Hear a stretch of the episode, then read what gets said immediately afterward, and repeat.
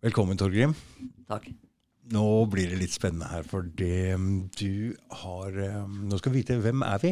Det skal vi få vite i dag. Hvem er nordmennene? Og eh, jeg kom over en bok av en eh, Den boka der, ja. Eh, på sida til Jostemik, som jeg titta litt på. Og den er skrevet av en fyr som heter Gile. Og den var så interessant, fant jeg ut, at jeg ringte Gile med en gang. Men det viser seg at han er over 80 år og holder på, og han har kreft. og Han, han kunne ikke komme på podkast, men jeg ønsker meg veldig at at jeg har, å ha en podkast om det her. For det forteller om folkevandringer, det forteller om Ja. Men så morsomt, da, Torgrim, at du har jo hatt veldig mye kontakt med han Gile. Du har jo 20 videointervjuer med han, har du ikke? Jo, altså, jeg ble kjent med han i 2014, også tok eh, mange eh, videoer. Mm. Eh, og, eh, men så skjedde det visse ting i livet mitt at jeg klarte ikke å, å få formidlet dette videre. Men så traff jeg dere, da. Ja. Eh, og, eh, og da har det endelig åpnet seg eh, en, en dør da til å få åpenbare Sveinung Gile Radum sitt skattkammer. Mm. Han er et fantastisk menneske, Mhm. og veldig glad for at jeg fikk treffe han.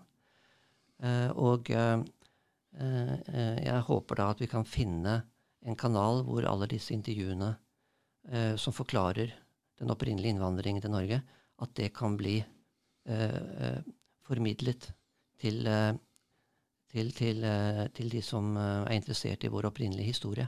Mm. Men fram til vi får til det, så kan jo du fortelle litt om det? Vi skal prøve, det, vi har sittet her nå uh, over en time og prøvd å lage opp bilder, og vi skal prøve å legge inn et kamera vet det. og jeg vet ikke om vi får det til ordentlig, men vi skal prøve så godt vi kan. Men du kan jo fortelle litt om deg òg, for det, du fortalte meg at faren din var teolog. Men han ville ikke bli prest, ikke sant?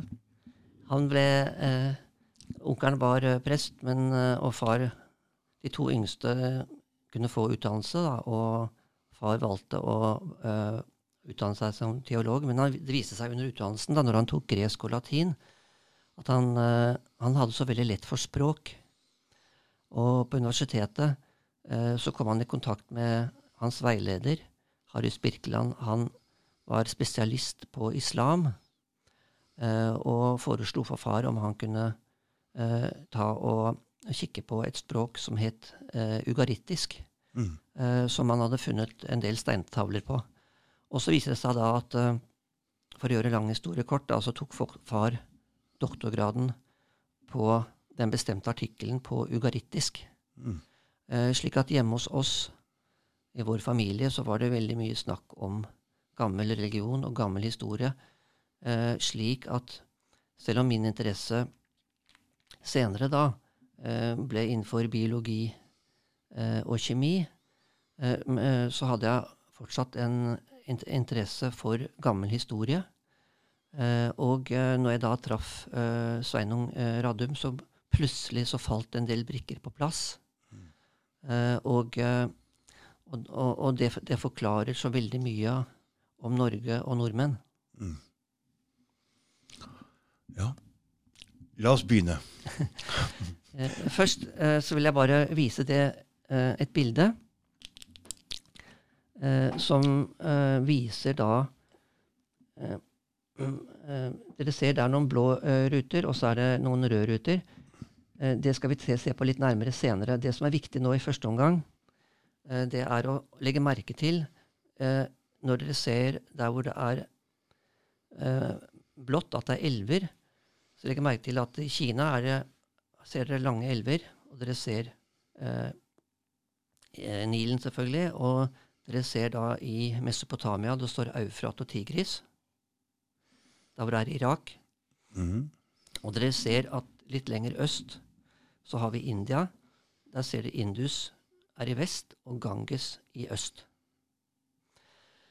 Uh, og dette er helt avgjørende uh, uh, i forhold til eh, menneskehetens utvikling, fordi eh, du har på en måte tre nivåer. Du har nomader, og så har du svedjejordbruk, og så har du stasjonært jordbruk. Hva er svedjejordbruk, Torgrim? Eh, svedjejordbruk jordbruk, vil si at eh, det er så lite folk da, at eh, du kan bare vandre til et nytt sted, og så hogger du skogen og brenner skogen, slik at du får masse næring til jorda. Og så dyrker du eh, litt vekster du har med deg. Og så er du der en tre-fire år, og så ser du at du får ikke avling lenger. Og så bare rydder du deg et nytt sted og et nytt sted. Dette fungerer til et visst nivå, men du får ikke noe høykultur. Nei. Og det som skjer da eh, ved disse eh, Er det fordi de ikke har eh, mm, dyr, eller? Jo, de har dyr, men du kan si for å få til en høykultur, så må du ha en spesialisering mellom yrker. Mhm. Så det som skjer langs disse store elvene, da, det er at du, får et stasjonært jordbruk. Dvs. Si at du flytter ikke, du er alltid på samme sted. Mm. Så i Kina finner de ut Du kan dyrke ris, f.eks., så du kan brødfø veldig mange flere mennesker. Og eh, dermed så kan du da la, la ni stykker jobbe som slaver, og så kan eh, 10 hengi seg til vitenskap, til utvikling av eh, kunst og kultur, og dermed eh, arkitektur, slik at du da plutselig får bygninger, du får eh, veier, eller du får, eh, skal vi si, en sivilisasjon, da. Mm. Eh, og da kommer vi inn på eh, Og språk, ikke sant? ikke, minst, Ikke språk. minst. Mm. Eh, så er det da slik at hvor i verden starter den første sivilisasjonen i vår nåværende syklus? Fordi det er gjentagende istider. Mm. Slik at uh, hver gang det er en istid, og den går på fullt, så er det liksom siste man lukker døra. Ja. Uh, og så kommer, eh, kommer smelter isen igjen, og da flytter jo folk Etter hvert som isen smelter, så flytter folk etter. Og så er det da slik at når eh, man leser på gammel historie, så er det slik at det er så veldig mange som hevder at de er først. Og det har politiske eh, grunner.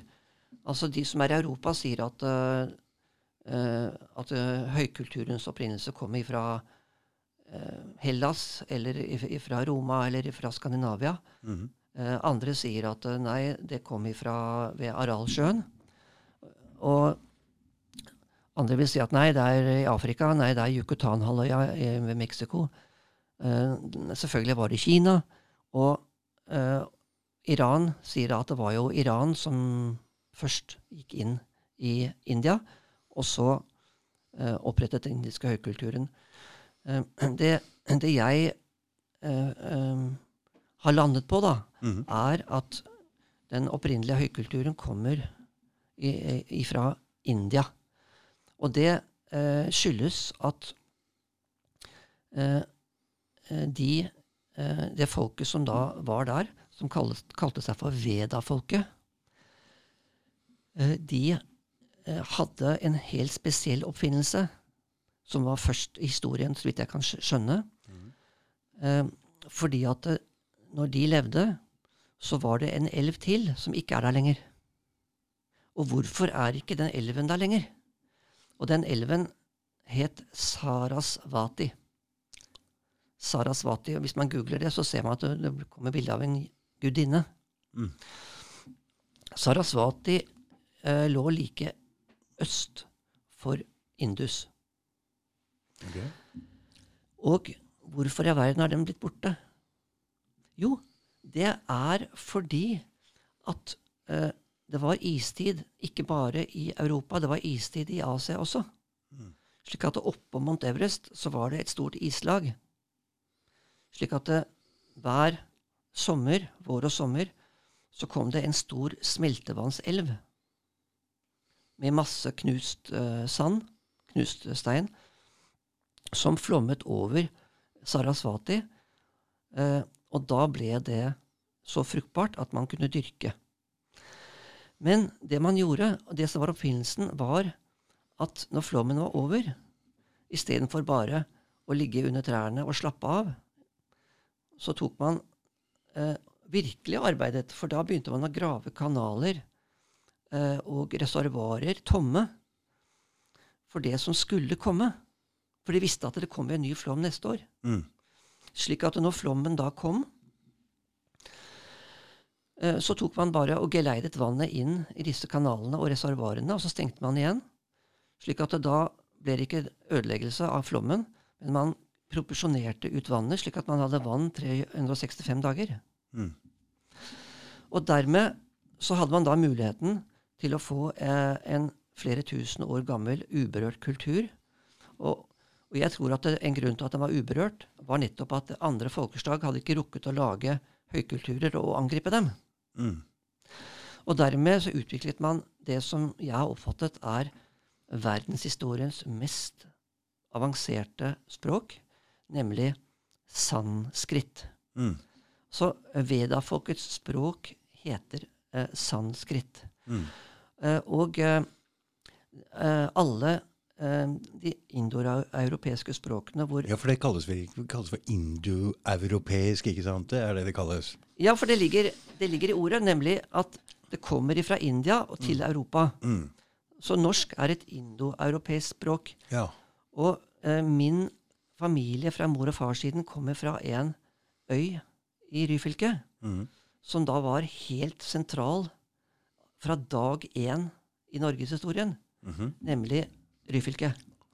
Og, og i, i Ryfylke, eh, de, på, på øyene der eh, Hvor er det hen, det?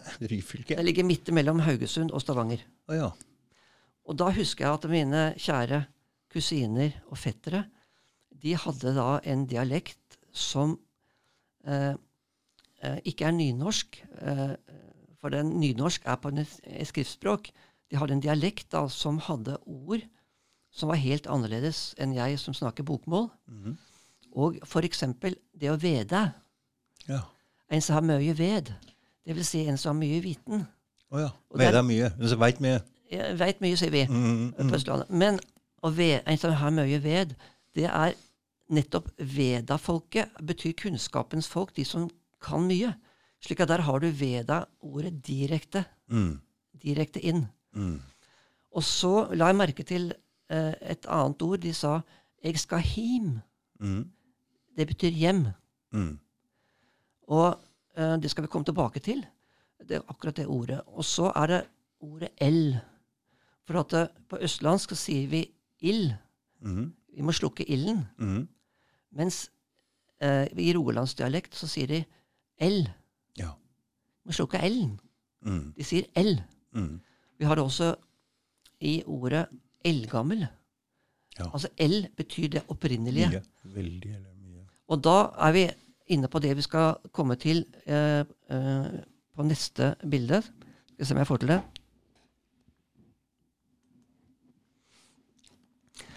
Her eh, ser vi Midtøsten. Fordi det som skjer, er at på et eller annet tidspunkt så smelter jo isen. Mm. Det er ikke mer is igjen i Hima- Himalaya. Nei. Og derfor så tørker jo Sarasvati inn. Mm. Og uh, det som da uh, skjer, er at denne høykulturen vandrer. Det må jo vekk derfra. Ja. Så han vandrer da mot Kina, og så vandrer han da vestover til Iran. Og, og fra Iran uh, så går kommer man da inn til den såkalte fruktbare halvmåne. Så hvis, eh, hvis man da tar og googler den fruktbare halvmåne, så kommer dette bildet opp. Det er, altså, det er den grønne halvmånen som dere ser, som er den sørlige del av eh, Tyrkia. Og så går den i en bue da ned eh, til eh, mot den persiske gulf. Og så går den eh, ned langs eh, Middelhavet, Syria, Libanon, Palestina. Og så går den egentlig videre eh, eh, til eh, Egypts Nilen. Dere ser at det er et stort delta, og det var et stort fruktbarhetsområde. Mm. Så det er egentlig med i dette området. Så dette er de samme folka som uh, dro dit, som disse ve Hva heter folkeslaget? Veda-folket. Veda-folka? Mm. Veda-folket de har med seg sin, sin eh, oppfinnelse, nemlig å grave reservoarer og kanaler Mm. for å ta vare på vannet. For også her er det flom. Ja. Og dermed Ned fra Kaukasus, eller hvor er det kommet Ja. fra? Mm, mm. eh, Og dere ser at Eufrat og Tigris eh, renner der. Mm. Men hvis dere legger merke til det, så er jo ikke det farget grønt. Nei. Og det har en helt spesiell grunn. -hmm. Fordi at eh, Hvis dere ser midt på bildet der, eh, så eh, eh, så, så vil dere se at det står Gubiki eh, Gubikli tepe. Ja. Det er noe, det er noe tyrkisk. Ja, det er eh, regnes som kanskje den aller eldste sivilisasjonen i Europa, eller europeisk område. Legg merke til, den er midt i dette fruktbare området. Mm.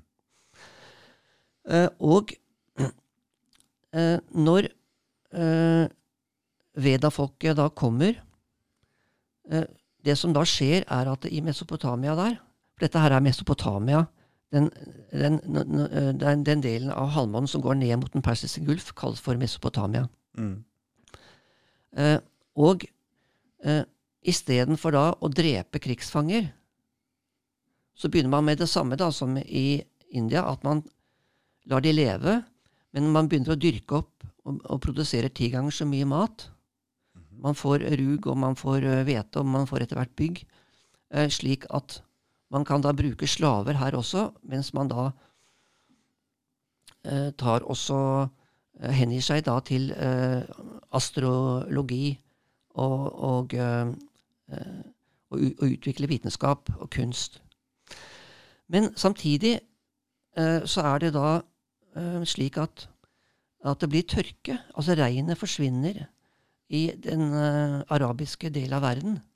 Slik at det kommer opp folkeslag fra den arabiske halvøy også hit. Mm.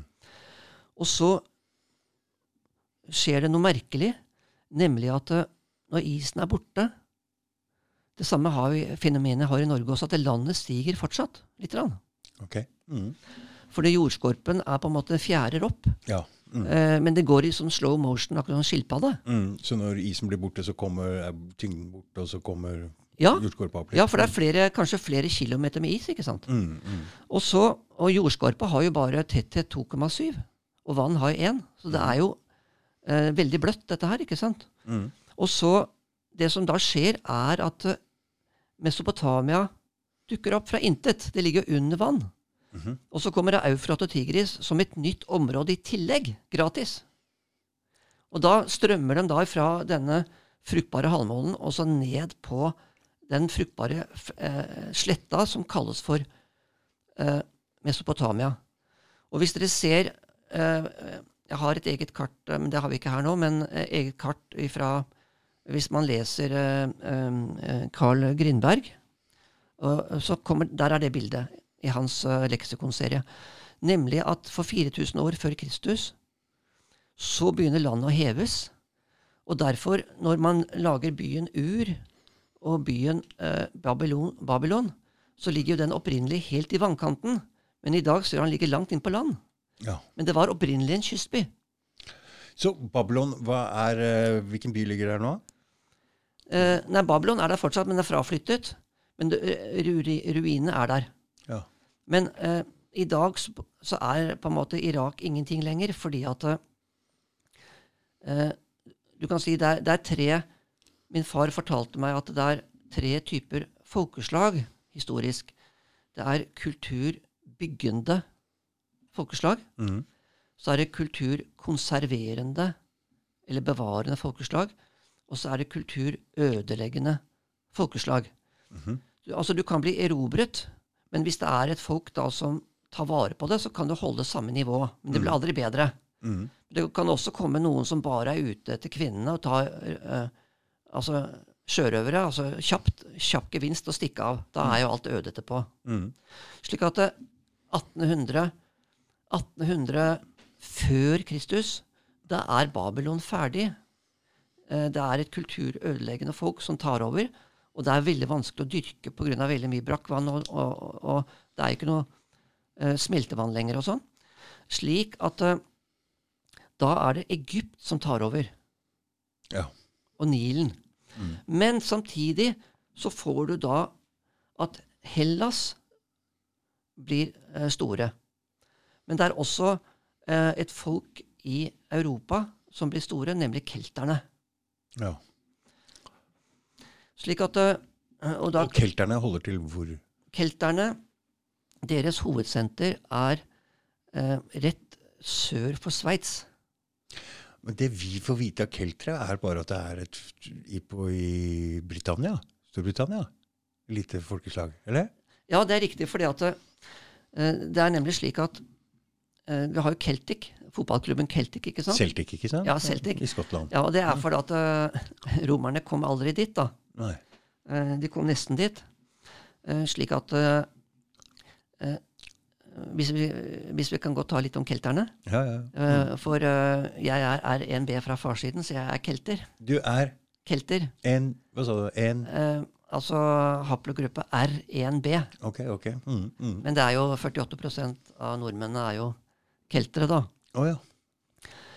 Eh, men eh, saken er at eh, du hadde da en rekke folkeslag, og alle er hvite og lyse og blonde.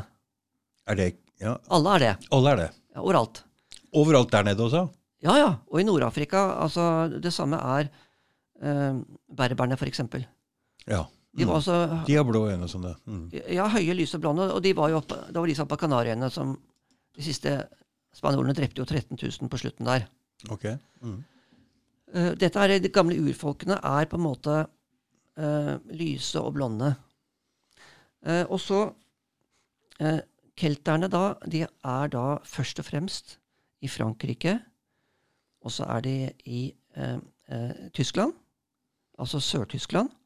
Og så er de i, i England, eller det som i dag kalles for Storbritannia. Mm.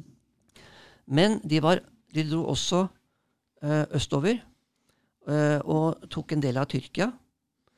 Men eh, eh, de kalte seg selv for keltere, men de tapte jo. Mm. Og da, da Når du taper Da bytter navn. For å se på Tyskland, det heter jo Allemagne i Frankrike og Deutsch altså, Ja. Germany i England og De får ikke lov å hete Deutschland. Nei, nei slik at kelterne de kalte seg for keltere, men romerne kalte dem for gallere. Ja. Og det var jo gallerne som tok en sånn en eh, skikkelig sånn Mike Tyson-knockout da, eh, på mine forfedre. eh, ved eh, at han tok et sånt helt uberegnet overraskelsesangrep. da.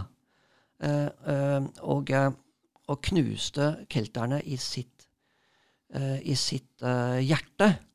Men før det så hadde kelterne da De hadde da Så keltere er gallere. De er gallere. Så du kan si gallerne Men Asterix og Obelix, der er, der er gallerne. De er gallere. De slåss mot romerne hele tida. Det er riktig. For, uh, fordi at, for, at, for at de uh, De ble da Til slutt tapte de, da. Ja. Uh, så det holdt.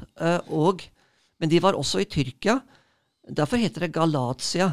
Mm. Og, brevet til galaterne. Ja. Det er egentlig brev til kelterne i Tyrkia. Mm. Men kelterne gikk videre, så de kom helt ned til Palestina. Mm. Uh, og der tok de da den nordre delen. Derfor heter det Galilea. Ja. For det var gallerne som bodde der. Eh, og så var det Judea lenger sør. Der bodde jøder. Men kelterne gikk enda lenger ned. så De kom helt ned til uh, Egypt, på, på den store sletta ut mot Middelhavet, hvor de kunne dyrke. Mm. Men så kommer romerne, da. Uh, og fordi at det nå hadde romerne eh, eh, eh, klart å eh, lære mest mulig masse av etterruskerne. Hvilket, hvilket årstall er vi på? Nå er vi på eh, 58 før Kristus. 58 før Kristus. Så da har vi hoppa litt. Grann. Ja, for nå, nå var vi først da flere tusen år. Mm. Eh, så forsvinner altså smeltevannet i, eh, i eh, India. Mm. Så eh, foregår utvikling av høykultur først og fremst da i Mesopotamia. Mm. Eller først i den fruktbare halvmåne, og så kommer Mesopotamia opp av havet. Mm. Og så går det til grunne 1800 f eh, før Kristus. Mm. Så må man flytte videre. Så flytter man da eh, til Egypt. Men der er det opptatt. Det er jo dynastier så det holder. Ja. Ikke sant? Og du har Nordre og Søndre Egypt, og de er godt befestet, da. Eh, og det er, en, det er bare en liten periode, rundt ca. 1500 eh, eh, før Kristus, at det er en periode at ikke-egyptiske ledere klarer å ta Egypt, og de klarer bare å ta den eh, altså Nordre Egypt mot Middelhavet. Blant annet det vi kaller for dansker i dag. Eller de som vi kaller dansker i dag, er egentlig grekere. En avdeling av grekerne. Det som vi kaller for dansker i dag, er en avdeling av grekerne? Ja, de ble kalt De, de, de kaller seg for dansker, for det, var det opprinnelige navnet deres. Eh, men det som skjer, det er at uh, man begynner å, uh, å lage seg bystater. Slik at I Egypt nå, prater du om? Eller hvor? Nei, nei. langs Middelhavet. Mm. Fordi at når, vannet, når regnet forsvinner, også i den arabiske halvøy, så kommer det da et folk som er veldig dyktige på sjøfart. De kommer også inn eh, for, å være, for, eh, for å være med der det foregår. Mhm. Så de blir spesialister eh, på å seile eh, i Middelhavet. Mm. Eh, og de, eh, de kalles eh, for eh, funikerne av, av en helt, helt spesiell grunn. da. Eh, eh, og det er fordi at eh, de av en eller annen merkelig grunn da, så klarte de også å finne en snegle som heter murex. Og denne sneglen, hvis de behandler den på en spesiell måte, så avgir den et veldig eh, rødt fargestoff. Ja. Og hvis du blander det på forskjellige måter, så kan du få helt ifra blått til purpur. Mm.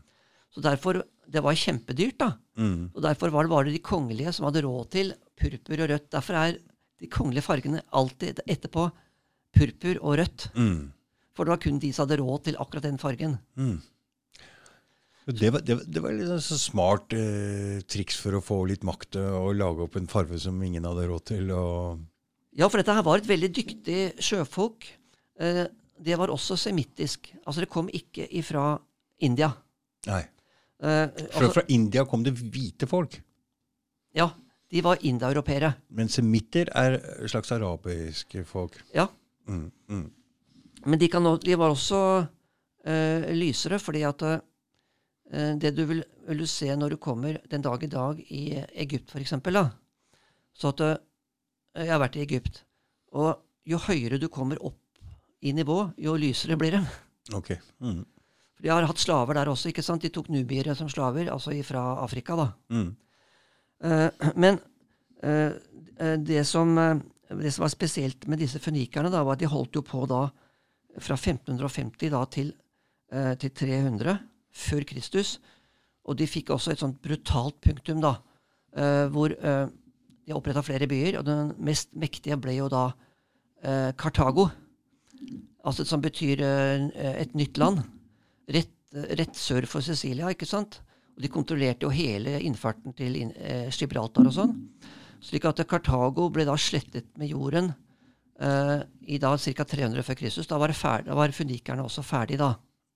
Men funikerne de har en, et spesielt skip som de kalte for galeien. Ja. Og uh, det var et skip uh, som var spesi spesielt for krig. Ja. For de, de monterte da på kjølen en sånn svær bronsespiss.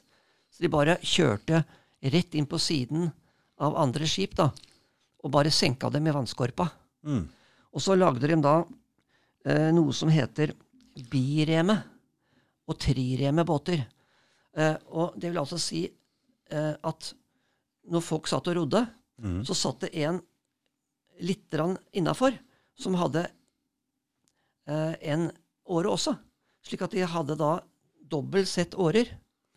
Og de utvikla da enda altså tre, en, en enda en båt som hadde tre sett årer på hver side. Mm. Og da kan du tenke deg hvor fort de kunne manøvrere. De rodde jo fra alt og alle, ikke sant. Ja. Og det var akkurat de båtene som Julius Cæsar brukte når han da gikk over fra Frankrike. Han hadde en D-day på motsatt vei, ikke sant, for å ta kelterne i, eh, i England. Det kom en masse båter, så de hadde jo ikke kjangs. Ikke sant? Slik at det som skjer, da, er at uh, Det er at uh, fønikerne lærer opp kan du si, hele Middelhavet uh, i å bruke båt. Eh, og eh, så eh, kommer da eh, Alexander den store. Han eh, Han kommer inn i historien da ca. Ja, 340 før Kristus. Det er samtidig med at funikerne møter veggen. da. Mm. og så Hvorfor eh, kom jeg inn på Alexander den store nå? Jo, fordi at han er så veldig viktig i forhold til eh, våre, vår eh, kongeett, ynglingeætten. Ok, Men hvor eh, kommer Aleksander den store fra? Eh, ja, han kommer, han kommer ifra Makedonia. For den gangen var Makedonia mye større enn i dag. Mm. Så, så du kan si Makedonia var mesteparten av Hellas Ja mot øst. Mm. Og så hadde du da uh, Aten, og så hadde du Sparta helt ytterst på neset der. Mm. Uh, og dette her var jo krigere. De kriga mot hverandre som bare det. Uh, Alexander Store hadde gotisk mor. Nå kommer goterne litt inn i bildet. Ja, altså Og så, så hoppa du bare over det med danskene. Du bare sa noe om danskene, og så ble Ja. det borte igjen. Ja, men altså goterne Der har du liksom mursteinen om goterne, da. Mm. er jo veldig, veldig interessant. Men eh, jeg føler at det Men er det svensker? eh, Nei, det er egentlig ikke det, men det er også det. For at det var en avdeling som kom også til Sverige. Altså Du har Gotland, Göteborg Ikke sant? eh, ja. men, men det er det at eh, de kommer egentlig ifra Øst-Europa. Ja. Eh, og eh, også, eh, også etter hvert så skiller de lag. da, Det er østskotere og vestskotere. Og vestgoterne de havner da eh, i, til slutt da i Spania, og blir de, de, de blir jo da disse krigerne som seinere Altså overklassen den dag i dag da, er på en måte etterkommere av vestgoterne, som da liksom reiser og, og, og erobrer hele Sør-Amerika og sånn, ikke sant? Mm. Men vi skal gå videre eh, til neste her. Et lite øyeblikk.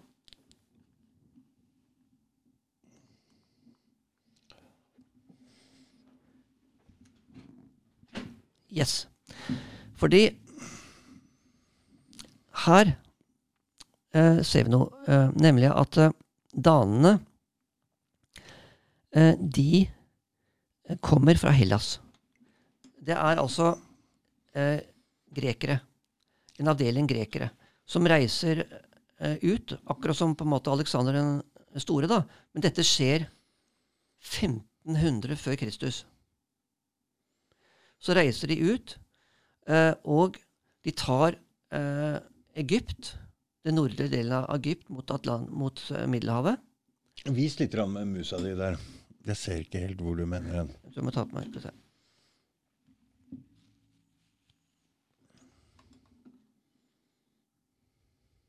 Her ser du eh, Følger pilene her. De, de er innom Egypt. Er det her en stund. Mm.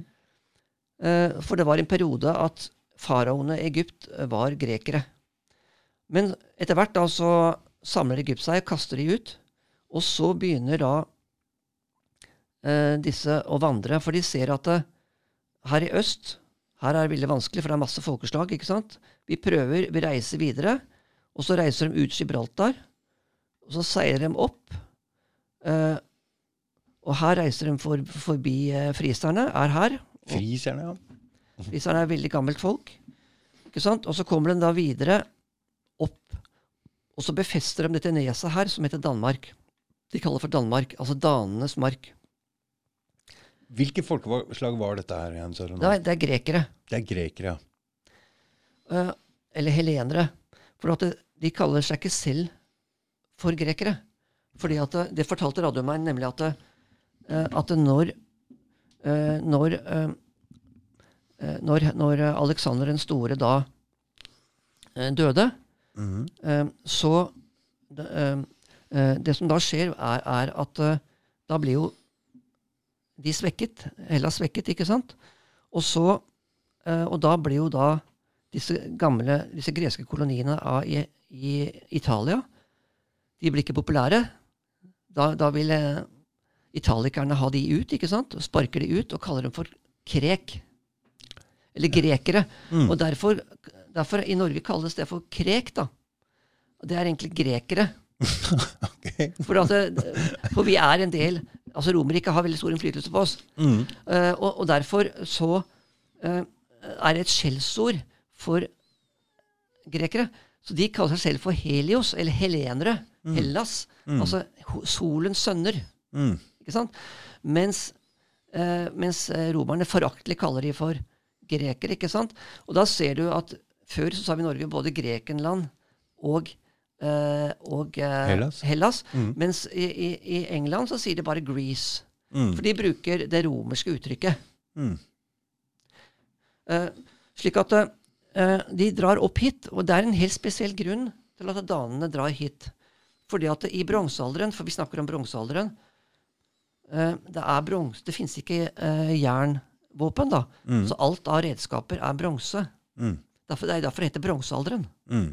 Og bronse består av Det er flere legeringer, men de to, det vanligste var kobber 90% og tinn 10 Mm. Og eh, det som er, er at eh, når danene er her, så reiser de videre eh, opp til Rogaland, og helt opp til Bergen. For at det er nettopp i Rogaland, hvor min familie kommer fra, Mm. der, nett, der har de både kobber og tinn. Ja. Akkurat det som alle er ute etter. Det er akkurat der, og det er veldig lett å seile dit. Mm. Og for at det, på Karmøy, som er veldig eh, lett å komme inn da, du, du er i Lya nordvesten på innsiden, på østsiden der, ikke sant? Mm. Og der ligger jo Kopervik, ikke sant? Mm. Og, og på andre siden så har du på Avals, du har Avaldsnes lenger nord, og så har du da et brudd eh, på nordvestsiden også. Eh, dagbrudd, slik at du har lett tilgang til kobber. Men du har også sink, du har også tinn. Mm. For du har det både på Itse og Itzal. Ok. Ja, Slik at du har begge de to tingene. Eh, og da brukte danene kan du si da, de brukte da dette som eh, område hvor de kunne hente kobber og tinn, men også amber. Hva er det? Eh, eh, amber, altså rav. Mm. Det er et smykke. Mm. Det var populært også Mm. eh, lenge. Og så, eh, eh, så Slik at eh, Så danene er egentlig grekere? Ja. Ja. Og det er veldig dyktige sjøfolk. Grekerne har alltid vært dyktige sjøfolk. ikke sant? Mm. Og så dette området som eh, de har, de har her, det er veldig bra strategisk, ikke sant? Danmark, fordi de kan kontrollere all skipstrafikk Ja. fra øst Mm. og få tollvarer og alt sånt noe. Mm. Og de kunne jo tatt friserne, men det er nesten, var nesten umulig å ta. Og det, Friser, er det hollendere og sånn, eller? ja, friserne ble erobret av hollenderne etterpå, seinere. Men friserne er veldig interessant, men det, det er liksom nye 15 minutter hvis vi skal ta det. Men eh, jeg tenkte å konsentrere Mm, om, om, om uh, Norge da. Ja, slik at uh, når uh, danene kommer ned til eh, Ugarit og eh, til Troja eh, og til eh, de forskjellige befestede byene, for det var bystater, Mm. Så vil jo selvfølgelig andre også dit. Og da fikk du da ekspedisjoner ifra Ugarit. Hvor er det? Ugarit, eh, det eh, ligger rett, rett nord for eh, Beirut i Libanon. Så litt lenger nord der så har vi eh, en, en by som heter Latakia i Syria. Okay. Det er en havneby. Mm. Og så er det ca. 20 km lenger nord for det som i dag er byen. Der lå Ugarit. Mm. Men Ugarit ble jevnet med jorden i 1178 før Kristus av Ramses den tredje, Egypter. eh, egypter. Eh, og vi, vi vet at Ramses den andre eh, var etterkommer etter gotere. Og hva Ramses den tredje var, eh, det kan også være det, men det står iallfall det i bøker, da. Mm. Uh, han var rødhåret og, øh, og ønsket selvfølgelig ikke å ha uh, et område der som, som kunne risikere å angripe Altså preventivt, da. Slå ut de, ikke sant? Mm. Men Ugarit de de var på det tidspunktet da, så var de en veldig selvstendig enhet. Du hadde hetitter i nord, du hadde forskjellige typer folk, men de hadde De, de var veldig godt etablert. Og de hadde en gud som het El. Og da, eh, da snakker vi fordi det er nettopp i Rogaland du har dette med L for ilden og eldgammel, fordi L er den opprinnelige Gud. Du har den i form av Allah. Det er akkurat det samme. Den opprinnelige. Den abstrakte Gud. Uh, og uh, L er Elohim òg, ikke sant? Ja, Elohim er da Him betyr Det sier de i, på min barndoms øy. Jeg skal him, jeg skal hjem. Altså hjem til det opprinnelige. Så Elohim er Og El, El er forkortelse for Elohim. Eh, og det vi da snakker om, da, er at det er eh, eh, Når du sier L, eh, så tar du og så kjører tunga rett i taket. For da kommer vi inn på en annen podkast vi kanskje snakket om, nemlig om religionens bakgrunn. At form alltid må være eh, lik innhold, og motsatt. Slik at L er den ene, eneste konsonanten, da, eller, eller bokstaven, som du erigerer. Du kjører tunga i taket. Øh, Det er det erigerte mannlige lem. Det er, okay, okay. ja, det, det, er, det er kraften. Mm. Eh, og den er formet som menneskets ryggrad, for det er nemlig ryggraden som er kraften som holder oss oppe. Og der har vi igjen dette med 33 virvler. 30, ordet, altså tall 33 kommer igjen. Eliten bruker det hele tiden fordi de sitter på den opprinnelige kunnskapen. Mhm. Fra Mesopotamia og fra India og Iran og sånn. Eh, Og Egypt. Slik at eh, L er da bokstav 12 i alfabetet, fordi 12 er solen på topp. Da gir den mest kraft. Mm. Slik at eh, solen står opp, gir liv og går ned. Så solen er på en måte ved daggry står opp, gir liv. Mm.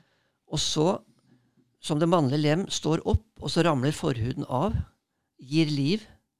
Og så går ned og forhuden tilbake. Eh, slik at man da På alle slavene tar man da bort forhuden. Hvorfor? Fordi at det var eh, I Egypt, når du da var omskåret, da, så kunne man bare dra ned buksa, får jeg se om du er slave eller ikke. Ja. Ja, slik at det, eh, Men det samme er på en måte eh, eh, Det kan vi komme tilbake til senere, hvordan du kan se mange eksempler på det. da. Men eh, dette som er, er, er, eh, det som skjer, da, det er at eh, eh, Ugarit uh, ut, uh, og også andre de lager ekspedisjoner opp til Norge. Mhm. Og, og det er derfor du får flere kolonier eh, i Norge. For danene Med forskjellige folkeslag. Yes! Fordi at eh, danene har jo først og fremst Danmark. Ja. Eh, Mens eh, da, kom, da er jo Danmark opptatt, slik at de andre eh, For danene, de eh, De, skal vi si, er Kommer da med, med sine varer, og så er det da eh, andre ekspedisjoner hvor de har med seg slaver opp. Slik at det, på Forsand i Rogaland, mm. der er det da så har man eh, både danene og, fra Ugarit, men også fra andre steder i Middelhavet, har med seg da slaver eh, som da For det var jo bare Folk bodde jo ved langs eh, havet, ikke sant? Så bare plutselig kom et skip om, om natten og bare tok med seg liksom 200 mennesker. Ferdig med det, så er du slaver resten av livet, liksom. Mm. Og da, da, da har man da slaver som da, eh, som, som da jobber da på, eh, på Forsand, da, og så, og så, og så graver ut eh, eh, sink, ikke sant? For at det, at det, at Sink, da. eh, Eller eh, Nei, tinn. tinn, ja. Mm. Altså Altså Altså, tinn er Det er eh, eh, eh, det, det, det, kalles på gammeltysk for sinn. Altså mellomting mellom sink og tinn. da. Mm. Derfor så, Man tror at kanskje det er det som er grunnen til at vi i Norge sier uh, tinn. Mm. Uh, men uh, det er liksom eh, det, er, det er et eh, mineral da som heter uh, kassitteritt, Mm. mener jeg det heter. Eh, og eh, for at tinn opptrer ikke i, eh, i sin eh, naturlige, form. naturlige form. Det er en, et svart metall, da. Mm. Sortesteinen. Mm. Eh, sånn at eh, Men den er veldig sjelden. Slik at tinn opprinnelig var veldig attraktivt. Mm. Og, eh, og det har veldig høy tetthet, da. Eh, slik at det er jo nesten Ja, det er- oppe med de store der oppe, ikke sant? Mm. Uh, og eh, Men eh, i Forsand hadde man også kobber, da.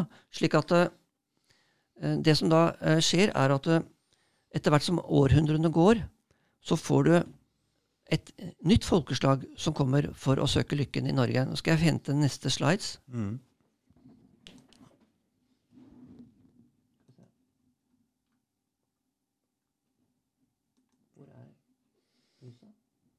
Ja, si det. Der.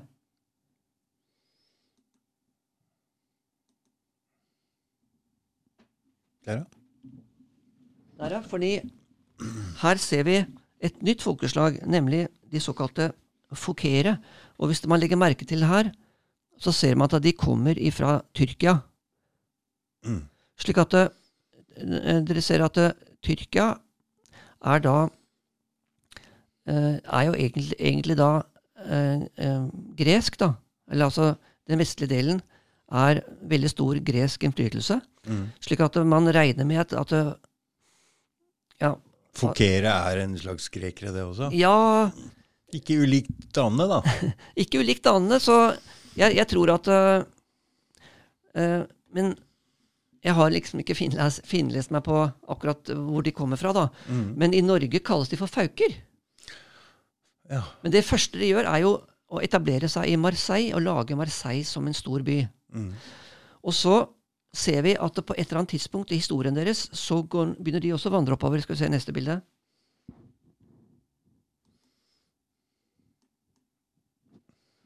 Der ser dere at eh, det er en, eh, en som heter eh, Pytheas, P-Y-T-H, Pytheas, som reiser da fra Marseille. Og han reiser helt opp til Tana. Han, reiser, han er den som reiser lengst opp. Han reiser nesten helt opp, han er helt oppe i Finnmark. Ja. Slik at det nå blir det virkelig fart på utviklingen av metallutbyggingen. Slik at vi ser at det er folkeslag da, som har veldig høyt kulturelt nivå. De kan masse. Mm.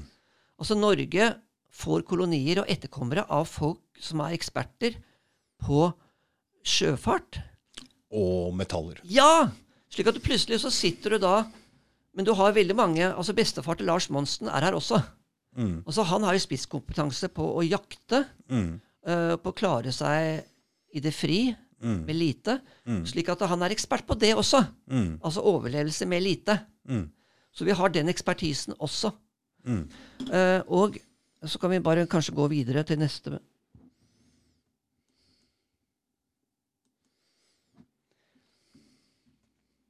Ja, da uh, hopper jeg litt, fordi i en fotballkamp eller så bruker det eksempelet, I en fotballkamp, eh, hvis det er ett lag som angriper og presser og presser og presser, Mm. og burde ha skåret mål for lenge siden, men har ikke skåret mål. Og så plutselig da, mens de presser på 16-meteren, så får det andre laget tak i ballen og kontrer og skårer. Mm. Og så vinner de kampen 1-0. Mm. Ja, det er ofte. Veldig ufortjent, får Ja. vi høre etterpå. ikke sant? Mm. Det er akkurat det som skjer her. Nemlig at perserne altså, De het alltid før eh, persere, for det var først helt nylig, for bare 50 år siden, at de kalte seg for iranere. Men, men de kalte seg for iranere opprinnelig, for de kalte seg for ariernes land. Mm. Fordi den dag i dag, når, du, når man treffer iranere, så går det ikke lang tid da før eh, det kommer fram at de er eh, Ariske. Ariske. Og så akkurat de du treffer, er faktisk tilfeldig etterkommere av Aleksander den store. Mm. For det er, det er stoltheten, ikke sant? Mhm. Eh, fordi Aleksander den store, han, han eh, liksom blir angrepet, da. Eller eh, Hellas eh, blir angrepet eh, av eh, av perserkongen. For perserkongen har tatt alt. Eh, og så Det som da skjer, er at perserkongen prøver seg også eh, på Hellas. Og, eh, og det eh, eh, Det eh, lykkes han med, slik at han klarer å ta eh, ganske eh, en, en god bit av også Hellas. Eh, men eh, det som da skjer, er at eh, Alexander den store, han er sønnen til Philip, eh, han lærer seg å perfeksjonere en, en, en krigsmetode. fordi det er ikke bare at du har de beste våpnene, men du må også ha den beste måten å kjempe på. Så han utviklet noe som heter falangs. F-a-l-a-n-x. Mm, mm. Å gå i falangs. Ja, det er når de går med sånn skjold, ikke sant? Ja, så de gikk 16 ganger 16. Mm. Og så hadde de da fire meter lange lanser. Og så la de da det mellom rekkene, slik at eh, når de da hadde 16 mann bak Mhm. Det ble akkurat som popkonsert, at det kommer bølger bakfra, så du blir presset framover. ikke sant? Mm. Eh, slik at eh, når de da hadde skjold da, mm. oppå huet, slik at ikke bueskytterne kunne ta dem, så bare gikk de mot motstanderen og gikk over dem. Mm. For de var kanskje bare fem, ikke sant? eller ti. Så var de 16. Slik at de bare pressa på, slik at de bare trøkka det ned, og så gikk de opp på, slik at de ikke fikk puste. da. Mm. Så på den måten så gikk de med en krigsteknikk i falangs, da, bare Eller du kunne løpe først ikke sant, og dytte mot de som sto i ro. da. Mm. Eh, og dermed så klarte han da også å slå eh, eh, perserkongen. Han hadde tre beleiringer. Bel, eh, beleiret Gaza og Tyr, ikke sant? Og så tok han Egypt, og så gikk han videre. Og så slo han da perserkongen eh, eh, Dareios den eh, tredje i hovedstaden Persiske riket, nemlig Susa. Så gjorde han et nytt genitrekk, da. Eh, nemlig at istedenfor å vanære den kongen eh, han hadde slått, da, Mm. eh, eh, så ga han kongen da en Perserkongen en, en fantastisk begravelse. Ja. Storslagen begravelse. Mm. Og det likte jo perserne. Og så giftet han seg med kongens datter. Og så beordret han at alle generalene sine, grekerne, for de hadde ikke med seg konene sine, alle skulle gifte seg med persiske kvinner. Dette er smartere enn å bare conquer en Ja, vi snakker For da må du ut igjen. Da må du ut igjen etter hvert. ja, det er, Her snakker vi ikke om en, et kulturødeleggende folk. Nei. Altså, Aristoteles var læreren til Alexander. Mm. Privatlærer. Han kunne alt. Ja. Slik at uh, Alexander da Dette er en måte å bli der på. Helt riktig. ikke sant? Det andre er du må ut igjen. Du må ut igjen etter en stund. Mm. Og dermed så går han videre oppover i Afghanistan. Eh, fordi eh, da var det vanvittig fruktbart. Den der Kabulsletta Kabul-sletta og sånn, ikke sant? Mm. Med, med smeltevann, med elvvann fra fjellene. Og, og lager da eh, Baktria. For at eh, Baktria er da hovedstaden, og kanskje den viktigste byen i verden akkurat da, fordi den er knutepunktet Og hvor ligger den? I Afghanistan? Det er Mazar i Sharif, som det heter da, der hvor den norske kontingenten var i Afghanistan. Ja. Det er litt morsomt, Mm. for at de er etterkommere etter de som lagde byen. Mm. Slik at Masarif Sharif var da eh, Han lagde en by til, Herat, lenger eh, sør da, i Afghanistan, men han lagde da Altså, alt dette her er ifra Radum, Mm. Mm. slik at, eh, at det er liksom det som er kilden min, da. Mm. Mm. Eh, og eh, det som da er at eh, før han kommer, så har det allerede vært en tidligere gresk eh, innvandring. Eh, og, eh, eh, og da er det eh, en, en annen greker da, som, som, som kalte seg for Åsator. Og han, og, han dro da til India og, og bygde opp et rike der. Og der, der ble han kjent da med en, en sønnen til en uh, veldig innflytelsesrik maharaja. Altså maharaja betyr skal vi si, mye regjere. Altså storkonge. Mm. Maharaja. Mm. Uh, og, uh, og han het Han hadde selv tittel Maharaja Åsator. Og han het Odin. Hæ? Nei, Nei, ikke ennå. ikke ennå. Eh, men han, han på en måte Han ble, han ble kjent med en som heter Siddhartha eh, Gautama, som, altså Buddha. For Buddha han sier at eh, han trekker seg helt tilbake. Han skal arve et stort rike. Så han nei, jeg vil gi alt jeg har, til de fattige. Og det ble Åsator veldig eh, rørt over. Slik at eh, han blir da buddhist. Så Åsa, Åsator, som er opphavet til Åsatroen For de kommer til Norge litt senere, skal jeg si om et lite øyeblikk. Eh, så er de buddhister. De har med seg buddhismens tankegods. Mm. og, eh, og det som da skjer, er at er at de kommer til Bakteria, og så ser dere Ja, det som skjer, er at de taper et slag, og så blir de forent da senere med de som har vært der, eh, altså Åsator. Så blir de presset da inn i Kina. Men når de kommer til Kina For Alexander den store dør Mm. og deler ut til eh, alle sammen, ikke sant? Eh, Generalene. Han dør ganske raskt mens de er der. Eh, slik at, eh, eh, at eh, det blir eh, generasjoner der. Og så til slutt da, så kommer disse etterkommerne av Alexander den stores generaler da, eh, kommer da til Kina. Ta, skal ikke ta neste her? Og dere ser eh, til venstre der, så ser dere en av disse eh, kongene da, som er etter eh, Alexander den stores eh, generaler. En som heter Loride.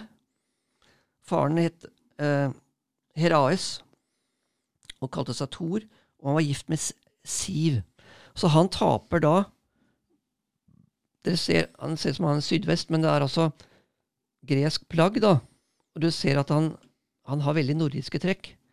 Og han taper da for en, eh, en annen gruppe som på en måte kommer fra Mongolia, som hadde da Dere ser, de hadde da en, eh, en, en kultur da, hvor de, eh, når, når barna var små, så bandt de et bånd rundt huet, slik at de fikk en sånn eh, innsunket panne. Og, og huet går litt opp. Skallen går litt opp. Mm. Men det var på en måte en sånn kode da, for at de er herskere, kan du si. da. Mm. Eh, men så kan vi gå videre. Her ser vi med, bl eh, med, eh, med blått først, da, eh, hvordan uh, uh, Hvordan uh, Romerriket Skal vi se om jeg kan se hvor jeg har Piller er der. Hvor da. er bilen? Jeg er nedpå her og surrer. Oi! Mm. Nei, nei, nei, du kan stoppe. Skal vi se. Der, ja. Hvor har han fått opp musa igjen? Du driver og flytter den hele tida der nede. Vi se. Skal jeg vente, så skal jeg finne fra Vent litt, da. Her. Midt på der. Der, ja.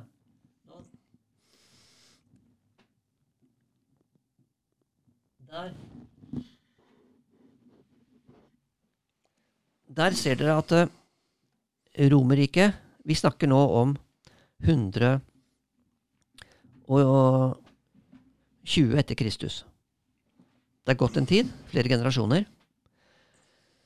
I Kina så har etterkommerne av Aleksander den store soldater, generaler, har sammen med kinesere lært seg et av verdenshistoriens aller største oppfinnelser ved siden av stasjonært jordbruk og graving av sånne kanaler, nemlig en spesiell prosess på å lage enda bedre stål enn det ifra vanlig berg, bergmalm. Nemlig ifra myremalm. -hmm. Fra torv. Eh, og, og, og, og det kalles eh, for den indirekte prosess. Og det er beskrevet da i denne boken til Sveinung eh, Gile Radum. Og det er ingen som kan slå det stålet. Og derfor så Når de da trekker seg tilbake i retning av eh, Afghanistan eh, igjen, og Baktra, eh, så eh, blir det slag der også.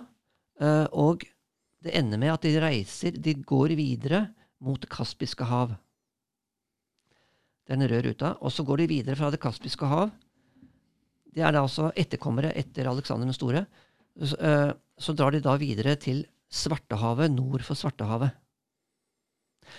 Og der er det slik at keiser Trajan, han som er nå keiser i Romerike, for nå er Romerike, Vest-Romerike har store problemer, og det går jo under 476 etter Kristus. Mm. Øst-Romerike holder ut 1000 år til, mm. men Vest-Romerike eh, det holder stand en stund til, men eh, nå har motstanderne de har fått tak i eh, stål.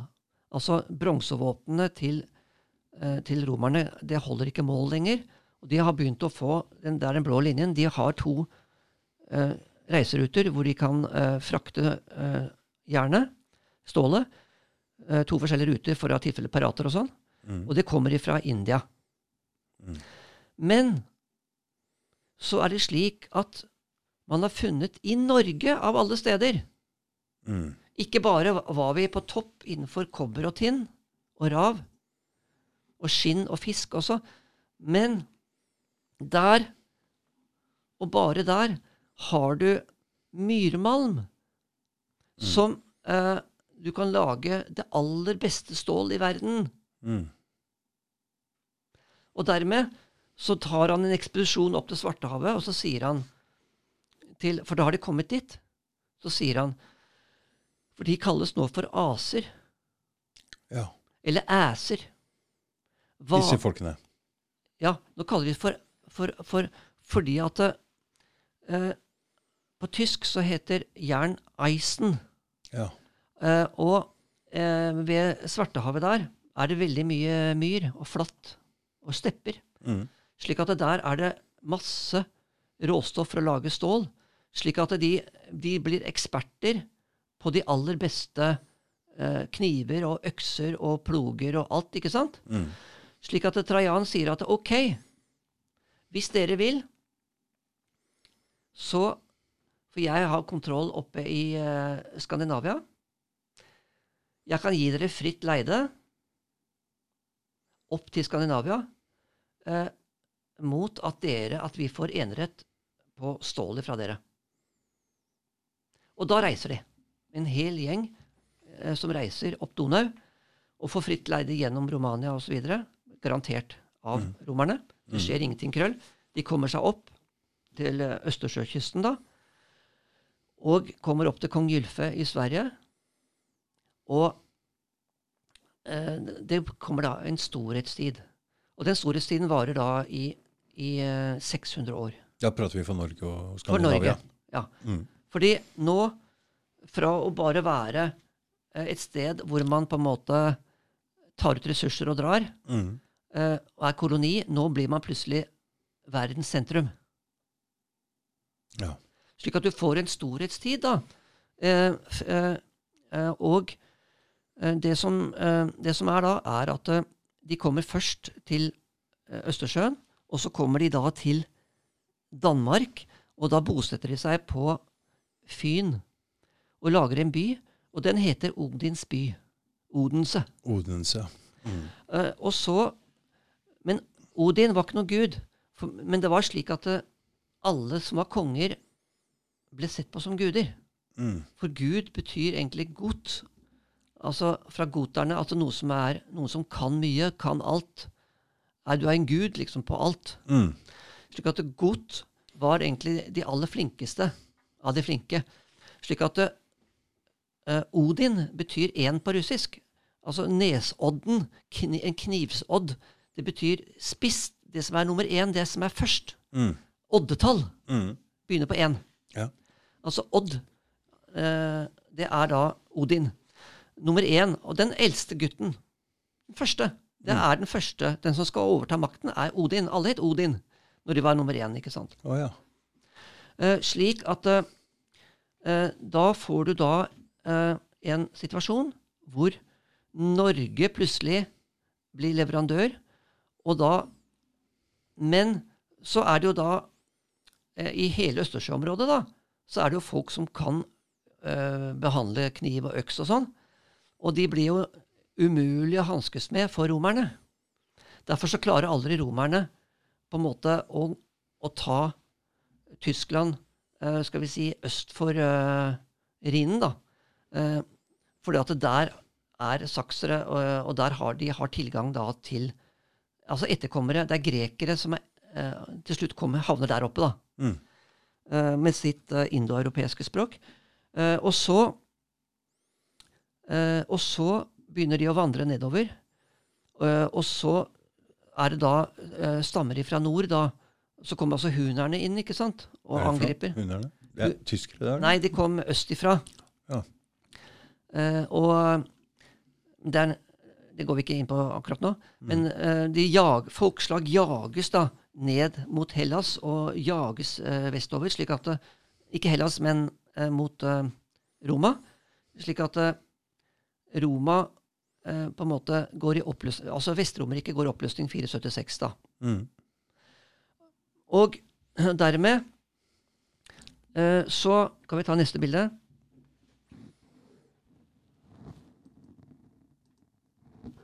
Dere ser til høyre der, eh, så står det hvor det er soldatgraver i, i Viken. I, eh, Hvor er det der? det er, Du ser Oslofjorden inn der, Ja. og så litt nedover mot Kristiansand. Ja, ja riktig. Mm. Slik at eh, de som var romerske soldater, de de, de var jo da mitraanere fra altså den indiske solguden Mitra, som feiret da altså Han ble født da eh, altså 25. Eh, desember, fordi det er jo da solen fødes og går opp igjen. Mm. Og de hadde da en veldig sterk eh, kustus på og De som var soldater, de måtte gjennomgå en sånn manndomsprøve. Mm. De måtte hudflette seg. Altså skrelte av huden og, og så flettet og la på, på plass igjen. da. Som tatovering, kan du si. da. Og de måtte gjennom en sånn eh, veldig tøff manndomsprøve for å få lov til å bli eh, legion, eller romersk legion. da.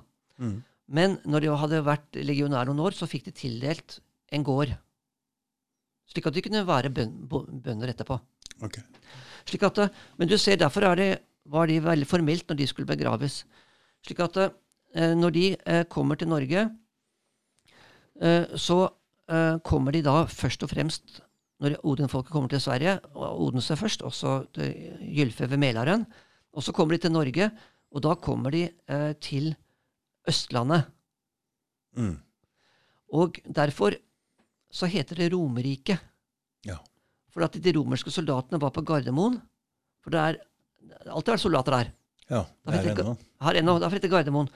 Og der var det eh, Der var det, skal vi si, eh, muligheter da til også lage jern. Og så skipet man da dette jernet da eh, ned også til Oslo. Eh, og også i, eh, via, via Drammen også, også ut. Slik at eh, når Rome, Vest-Romerriket eh, gikk under, så ble det jo ikke noe mer transport av Da beholdt de alt, alt eh, jernet selv, stålet selv. Mm. Skal vi se, ta neste.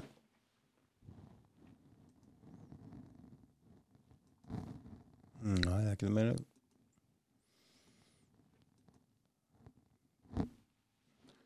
Ja, slik at det, det som da uh, skjer, er at uh, vi får uh, eh, år hvor man har mye gode våpen.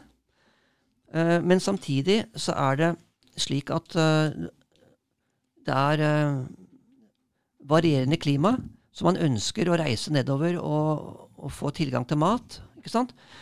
Men så skjer det noe fryktelig, da, som ikke står i de norske historiebøkene, og som folk ikke er klar over. Vi får hele tiden høre hvor at vikingene var fæle. Mm. Og stemmer ikke i det hele tatt. Nei. Uh, men det er får vi høre om igjen og om igjen. Men det er bare i norske medier. Alle andre steder i verden sier det motsatte. Det har jeg, har jeg lurt på. Okay. Uh, fordi at der er man stolt over vikingene. De har bygd jo opp eh, Altså Liverpool og alt av havnebyer er jo bygd av vikingene. Mm. Så eh, hvis de ødelegger, hvorfor bygger de da opp byer? Mm. Ikke sant? Mm. Uh, slik at det gjorde de ikke. De bygde opp byer. Men det er bare den falske historien, da, eller det jeg oppfatter som falsk, uh, det er at man snakker hele tiden om angrepet på det klosteret Lindisfarne greier. Lindisfarne i, i 793. som det ligger mellom Edinburgh og, og Newcastle, ligger på en liten øy utafor der. Mm. Fordi at det, man underslår at det var en bakgrunn, og dette var bare et etterspill. Mm.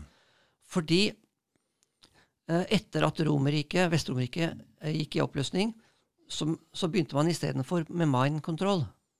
Vi hersker over hjernene til folk gjennom kristendom. Mm. For på slutten av, på slutten av Vest-Romerriket Mm.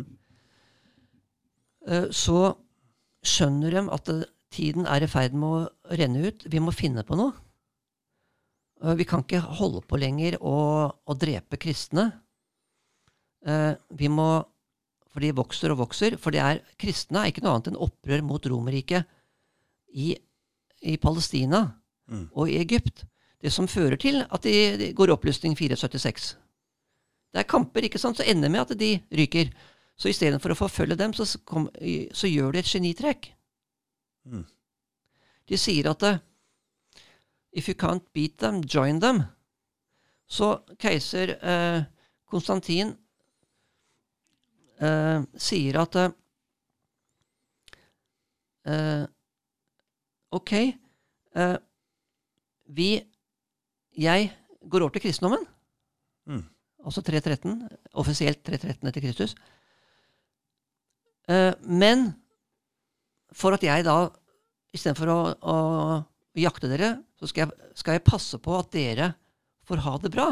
Men da skal vi, da skal vi ha 10 skatt. Mm. Tiende, ikke sant? Tiende. Mm. Slik at eh, Og da innførte man det. Og så innførte han da en gullmynt som het solidus. Og den varte i mange hundre år. Slik at eh, eh, For at ah, de folkeslagene da, som da de hadde erobra, for at de skulle eh, få betalt, så måtte de veksle inn Mm. eh, sitt da, i, i solidus, ikke sant? Mm. For det var det som gjaldt. Mm. Og dermed så fikk man jo på en måte masse penger der også. Ved at du fikk liksom devaluert deres eh, motstanderes eh, mynter, ikke sant? Mm.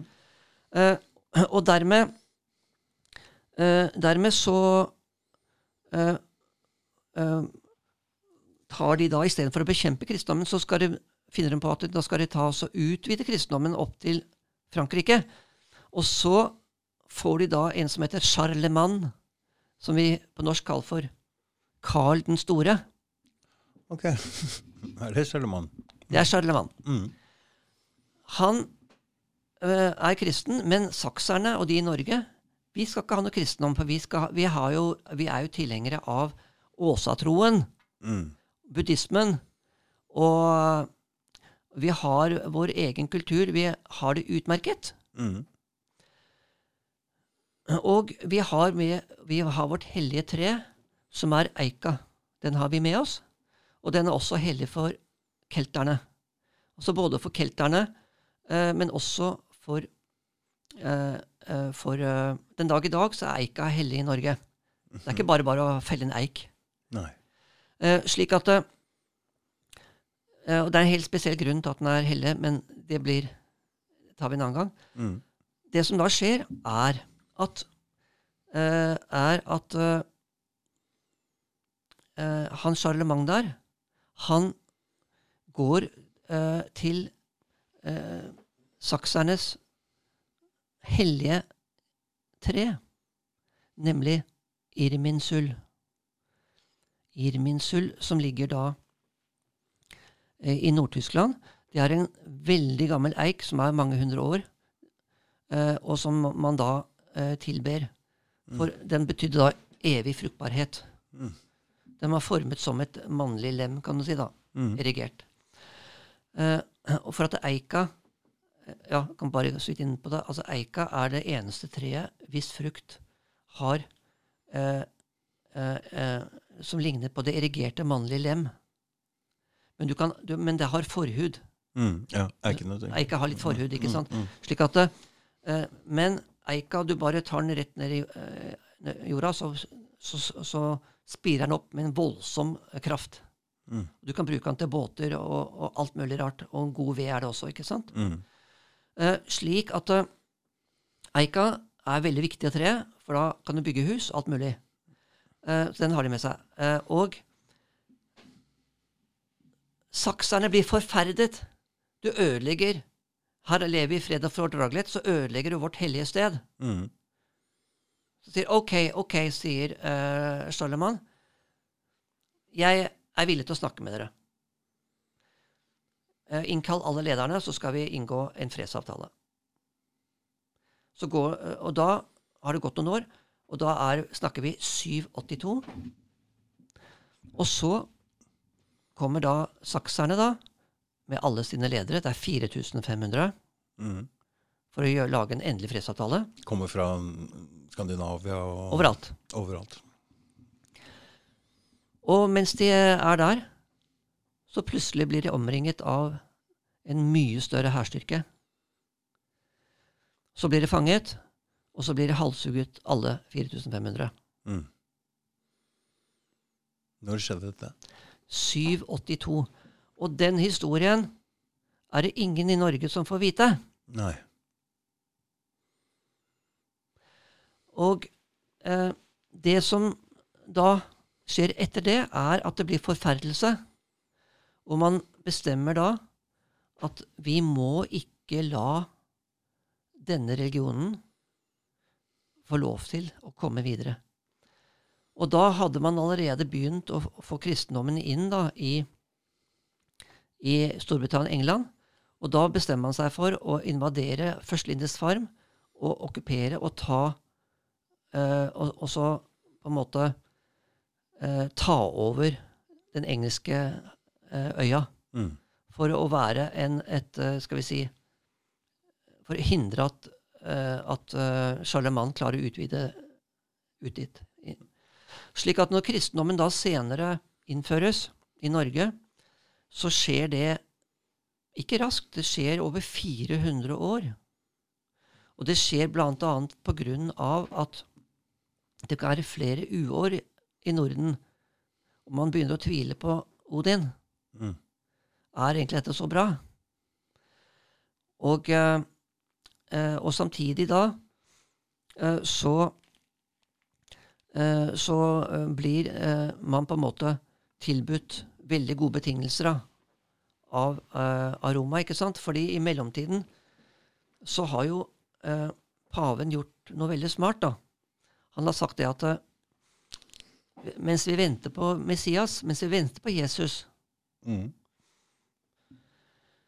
så har Jesus sendt, gitt meg beskjed om at, at jeg som pave må ta vare, på, ta vare på alt jordisk gods. Stemmer det. Noen må jo gjøre det også. Mm. Og jeg har uh, tatt vare Jeg har uh, påtatt meg den uh, vanskelige og krevende oppgaven å formidle Guds ord og i påvente av at du, Messias skal komme tilbake. Og derfor eh, så må jeg ha 10 eh, og sånn.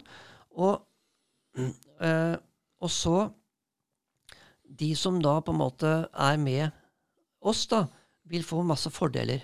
Og så kjøper han da opp, ikke sant? Og så blir da Det siste slaget er jo da Norge blir jo kristent da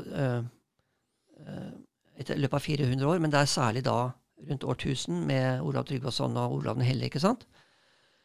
Eh, og eh, det som da er, er at eh, vi ser da etterpå at, at Vi ser Sigurd Jordsalfare. Eh, han får et veldig bra tilbud Så han reiser jo ned. Dette her skjer jo da 1000 og, Ja, etter 1090. Det, han, han dør i 1130. Og det som da skjer, er at han, han utstyrer 60 skip med 100 i hvert skip. Altså han har 6000 mann og seiler eh, gjennom Engelske kanal og ned til Portugal og Spania. Også på ordre fra den eh, paven, da, så, så, likviderer alt av muslimer i Portugal og Spania. Og ja, han tar da feier muslimene på sjøen, eh, både på Ibiza og Menorca. Hvorfor fikk han den uh, jobben? Uh, nei, altså Hvem er han, forresten? Sigurd Jorsalfare. Mm. Han er uh, Han er nordmann, ikke sant? Kom, ja. Kommer ifra Dette er jo på en måte før det kalles Norge, da. Mm. men han, han, er på en måte etterkommere etter de som kom dit da 150 etter Kristus. Altså etterkommere av disse grekerne som på en måte er som har denne teknologien med det, disse gode eh, sverdene. Mm. Og så til slutt da, så kommer han til eh, Det hellige land som korstog, og så er han med og erobrer eh, byen Sidon, den borgen der. Og så reiser han da videre opp til Miklagard, det som senere blir Eller det, altså Konstantinopel, da. Uh, og, uh, og uh, blir da hirdleder for uh, keiseren. I, for da er jo først, fortsatt Øst, Øst-Romerriket Det er jo helt til 1453. Ja. Uh, første går i 476, og her er det helt til 1453. Og han kommer rundt år uh, eh, 1100. Så er, Til slutt så reiser han hjem, da, men det er bare 100 som vender hjem av de 6000. Ja. De resten blir der nede? Ja. Og så kommer da katastrofen i Norge. Nemlig svartedauden. Den slår inn da 1349. Slik at vi får da en, en mørketid av en annen verden. I 1350 så er, en, in, er det Norge 500 000 mennesker. Uh, og etter 200 år er det bare 200 000. Mm. Slik at uh, svartedauden gikk jo også på dyr. Mm.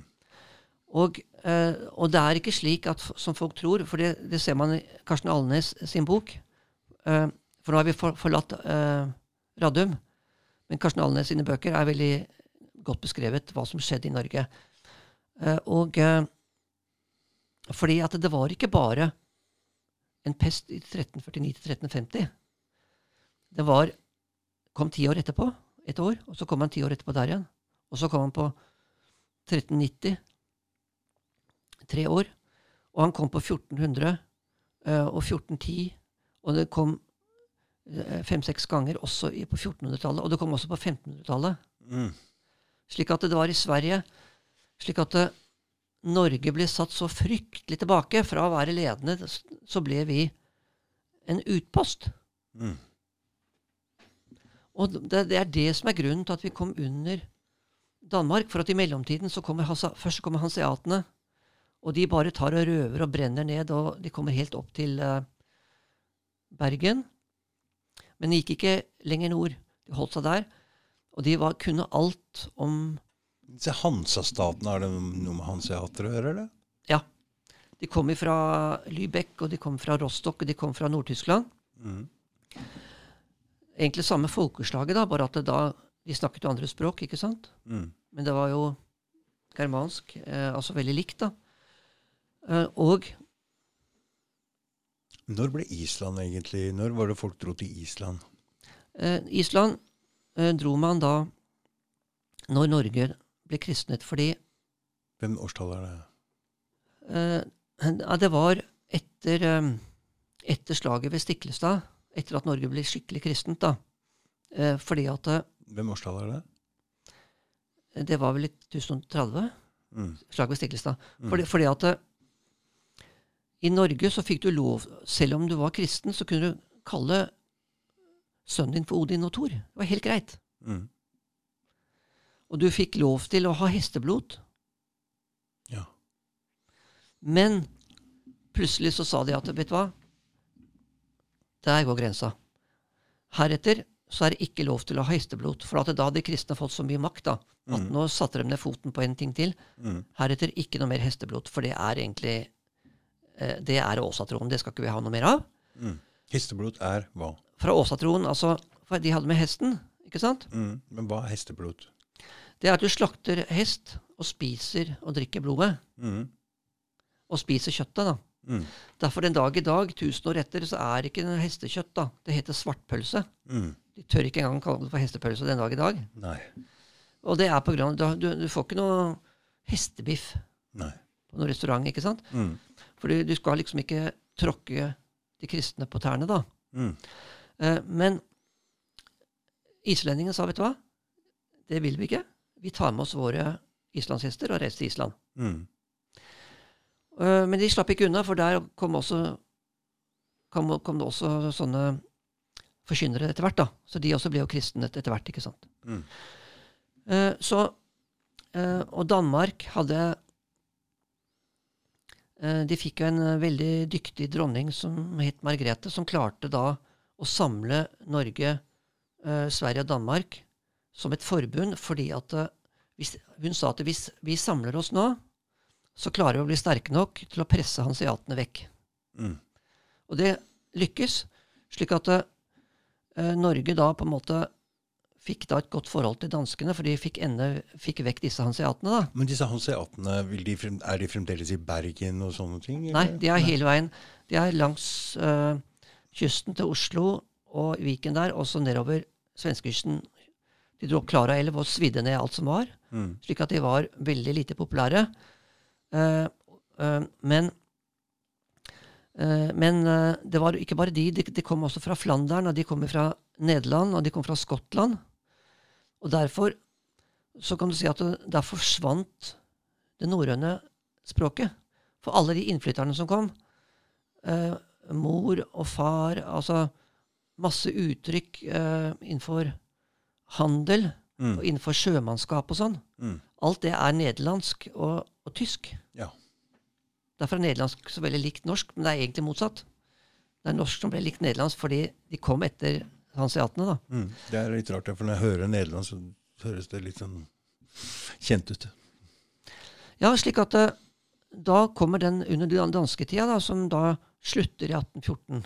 Som dere hadde en veldig god podkast med to veldig dyktige eh, em, forskere da, som, som fant ut av nettopp, eh, nettopp hva som skjedde da i 1814. Men i virkeligheten da så hadde da eh, Så var det en helt spesiell grunn til at man opprettet eh, denne forsamlingen i 1814. Mm. Eh, fordi det Årsaken til at Norge eh, At eh, danskekongen sa at eh, de norske stenderne skulle ha et ting Mm. i 1814, det ble jo veldig godt beskrevet i den postkassen. Mm. Og eh, Men som de også sa, så ville jo ikke Karl Johan finne seg i det. Nei. Han hadde jo vunnet Norge. Mm. Og hvem er han der, egentlig? Han derre Bernadotten der. Den franske generalen. Den franske generalen er Hvorfor i all verden Og hvordan kunne han ta over Sverige? hvor, hvor- Hvorfor kunne han ta over Sverige? Eh, men det er, det er veldig lett forklart. Eller jeg har en veldig god forklaring, syns jeg selv. da. Mm. Han kan ikke svensk, han kan ikke norsk. Han lærte seg ikke de språka Mm. helt fram til han døde i Jeg tror- det var 1840 han, Altså, han, han ble vel født i, eh, i 1763, og så ble han konge i 1818, og så lurer han ble døde i 1840 et eller annet. Men han tilhørte et folk eh, som opprinnelig hadde tapt et slag eh, mot kelterne. Slik at når du taper et slag, da, så blir du enten slave, eller du må flykte der hvor ingen andre vil bo. Mm. Så hans folk da, de flykta opp i Pyreneene Ja. mot Spania. Og der hadde et annet folkeslag, nemlig baskerne, tidligere også flyktet. ikke sant? Derfor kunne de være igjen der. Mm. Så han bodde, de bodde helt der nede. Og det var et veldig dyktig folk. Så han øh, Faren ville at han skulle bli sagfører, men uh, det som var mest uh, Når fa faren døde, så gikk han heller inn i den franske hæren. Og han ble da Han gikk så høyt opp som det var lov å komme for en som ikke var adelig. For han var ikke adelig lenger, nei. Nei, han var ikke adelig. Nei. Men han hadde Han hadde da en helt bemerkelsesverdig evne. Nemlig Han var en slags type Nils Arne Eggen, da. Eh, som Han var høyt og lavt. Han passet på alle detalj detaljer. Han var så ekstremt detaljorientert. Mm. Så han passet alltid på at alle soldatene hadde alt det du skal ha. Så han var veldig nær soldatene. At, eh, men så hadde han noe som var helt ukjent, nesten, eh, i krig. Nemlig at han krevde at soldatene som ble tatt alle de som ble tatt til fange, skulle ha samme rasjoner og behandlet som sine egne soldater. Mm. Og eh, det er jo dobbelt, fordi eh, da fikk han jo eh, på en måte bevarte moralen i sine egne rekker, men samtidig så var det ikke noe farlig å overgi seg til, til eh, Jean Baptiste Bernadotte, for han behandler oss mye bedre enn enn de som kommanderer oss. Mm.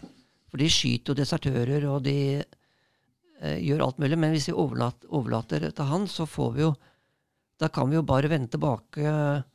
Men hvem var det egentlig som, som Altså, han er jo en general som går imot Napoleon, ikke sant? Og det er pga. at han har satt på sidelinja i Frankrike fra før, og så er det noen Hvem er det som Er det borgerkrig i Frankrike, eller hva er det som skjer? Hvorfor Altså, det er Napoleon eh, Han eh, har eh, Det er et slektsforhold, slik at eksen eh, til Napoleon mm.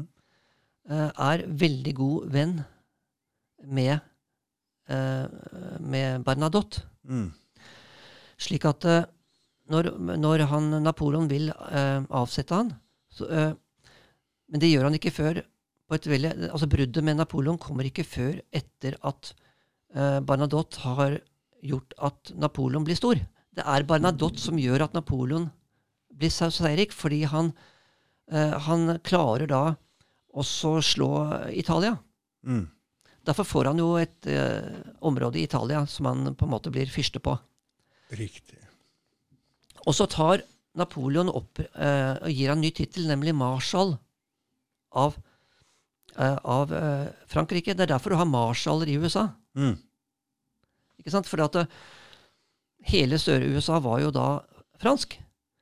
Men når de taper ved Waterloo, så må de pakke esken og dra. Derfor får de lov til å reise opp til eh, Montreal. ikke sant? Og Derfor er det fransk oh, ja, der nå. Oh, ja, Oh, ja. Hvis du taper, så må du bare stikke av gårde. ikke sant? Mm. Og så Det som da skjer, er at uh, at uh, Bernadotte syns at uh, Napoleon blir mer og mer uh, stormannsgæren. Mm. Kroner seg som keiser, ikke sant, og, og sånn. Og ønsker å gå mot Moskva. Mm. Hva er vitsen? Og da bryter han. Men så går det rykter om at eh, Napoleon Han har jo da eh, slått Tyskland, ikke sant? Og nå har han tenkt å gå videre og går inn i Russland. Og så da er jo svenskene livredde eh, for at eh, eh, at Russland For Russland har nettopp tatt Finland. Han er livredd for at Russland skal gå videre og ta Sverige også. Mm. Og den svenske kongen han er jo bare eh, en, eh, en som har arva makten. Han har jo ikke noe militær erfaring. Det er jo, han har jo ikke noe eh, kraft, ikke sant. Mm. Så hvorfor ikke hente en som virkelig kan krig? Ok, så han henter inn Bernadotten. Ja. Ja. Han får en forespørsel vil du bli konge for oss Ok. og verne oss mot Russland. Ja, ja. Så kommer han opp dit, og så blir han adoptert av svenskekongen. Ok. Slik at han er uekte sønn. Han, han blir sønn av, av svenskekongen, men han er uekte. Ja. Så han kommer i eh, Jeg tror han kommer i 1810. Mm. Eh, og så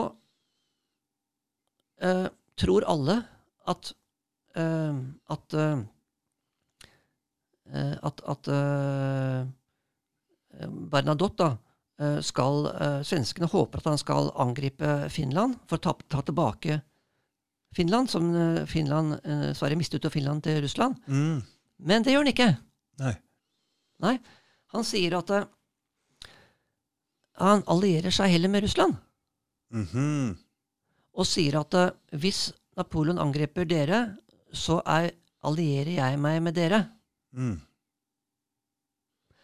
Og, og så angriper jo uh, Napoleon Russland mm. med, med over 500 000 soldater, og det kommer tilbake 50 000. Mm. Det er helt uh, vanvittig, da. Mm. tap. Og etterpå så taper han da uh, Når han da har tapt, da, uh, så blir det da en ny, sist, et nytt siste oppgjør hvor Frankrike allierer Prøver å få allianser, får ingen steder.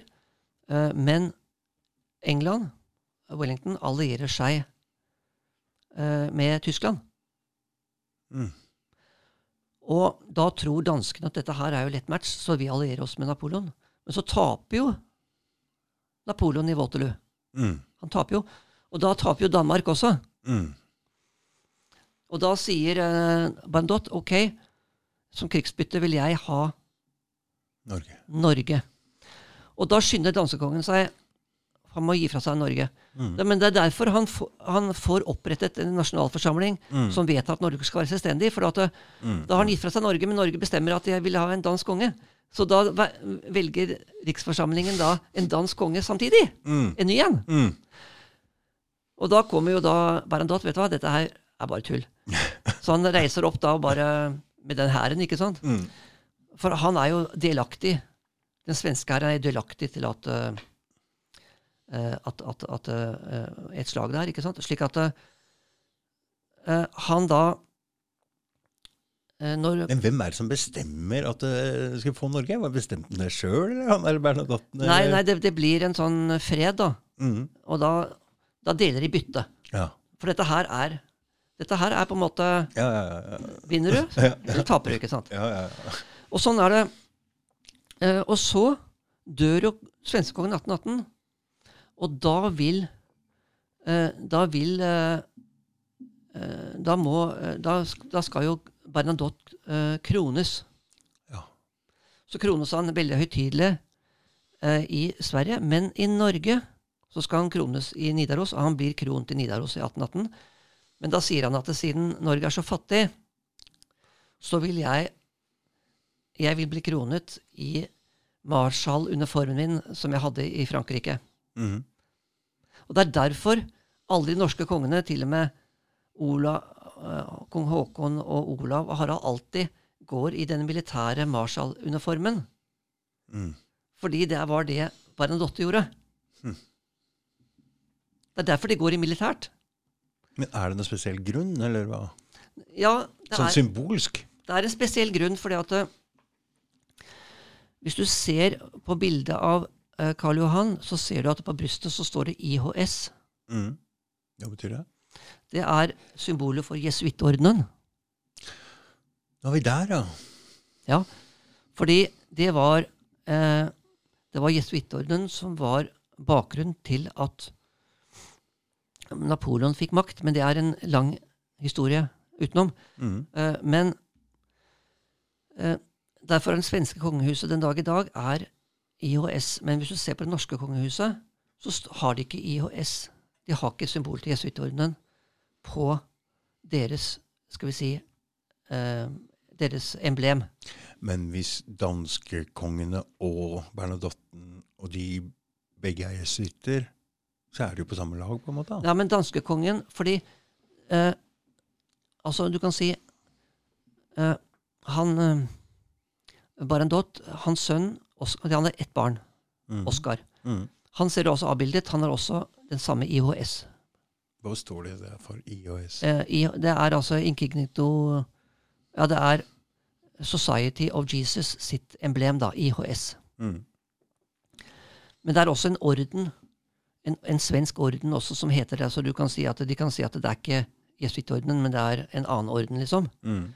Eh, men så, er du, så ser du på sønnen der igjen, Gustav. Han har også den samme. Men så på et eller annet tidspunkt så gifter man seg husbarnen Husbarden og Dotte gifter seg inn i det danske kongehuset. Slik at Håkon den syvende han er jo da også kjempehøy og tynn, akkurat som Han ligner jo veldig på Bernadotte, da. Mm. Ikke sant? Mm. Eh, så da blir jo han konge. Mm. Og så kommer da Olav.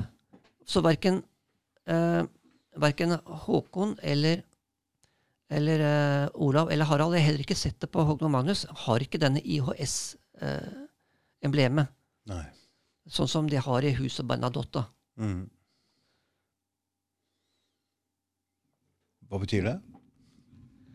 Eh, altså hva det betyr at ikke Ja. Mm. Nei, altså Det er eh, en rekke fyrstehus eh, i Europa som har eh, som er, har IHS, IHS-emblemet. Mm. Men så vidt jeg kan se ut fra symbolbruk, så har ikke det norske kongehuset det. Nei. For det står jo også i norske grunnloven at eh, munker og jesuittordener har Eller munkeordener og jøder har ikke tilgang til riket. Mm. Det står jo Og jesuitter, vel? Tror du? Nei, jeg tror ikke jesuitt... jeg- Det er mulig at det er spesifisert. Mm, jeg tror det. Ja. Mm. Ja, slik at eh, vi har uh, uh, det, er, det er ganske imponerende at dere har klart å dere gutta har klart å holde ut såpass lenge. Men jeg, jeg, jeg føler at at jeg har klart å etter beste evne å lage en, en gjennomgang ut ifra de kriteriene som, Mm. som dere spurte om jeg kunne gjøre. Mm. Eh, og eh, så vidt jeg skjønner, så ønsker det, er det ønskelig kanskje en podkast om, om religionenes bakgrunn. Mm. Mm. Og uh, om symbolikk. Mm. og uh, uh, så Ja, vi, vi får se. Mm. Mm. Ja, tusen takk, Torgrim, for en bra historiefortelling. ok.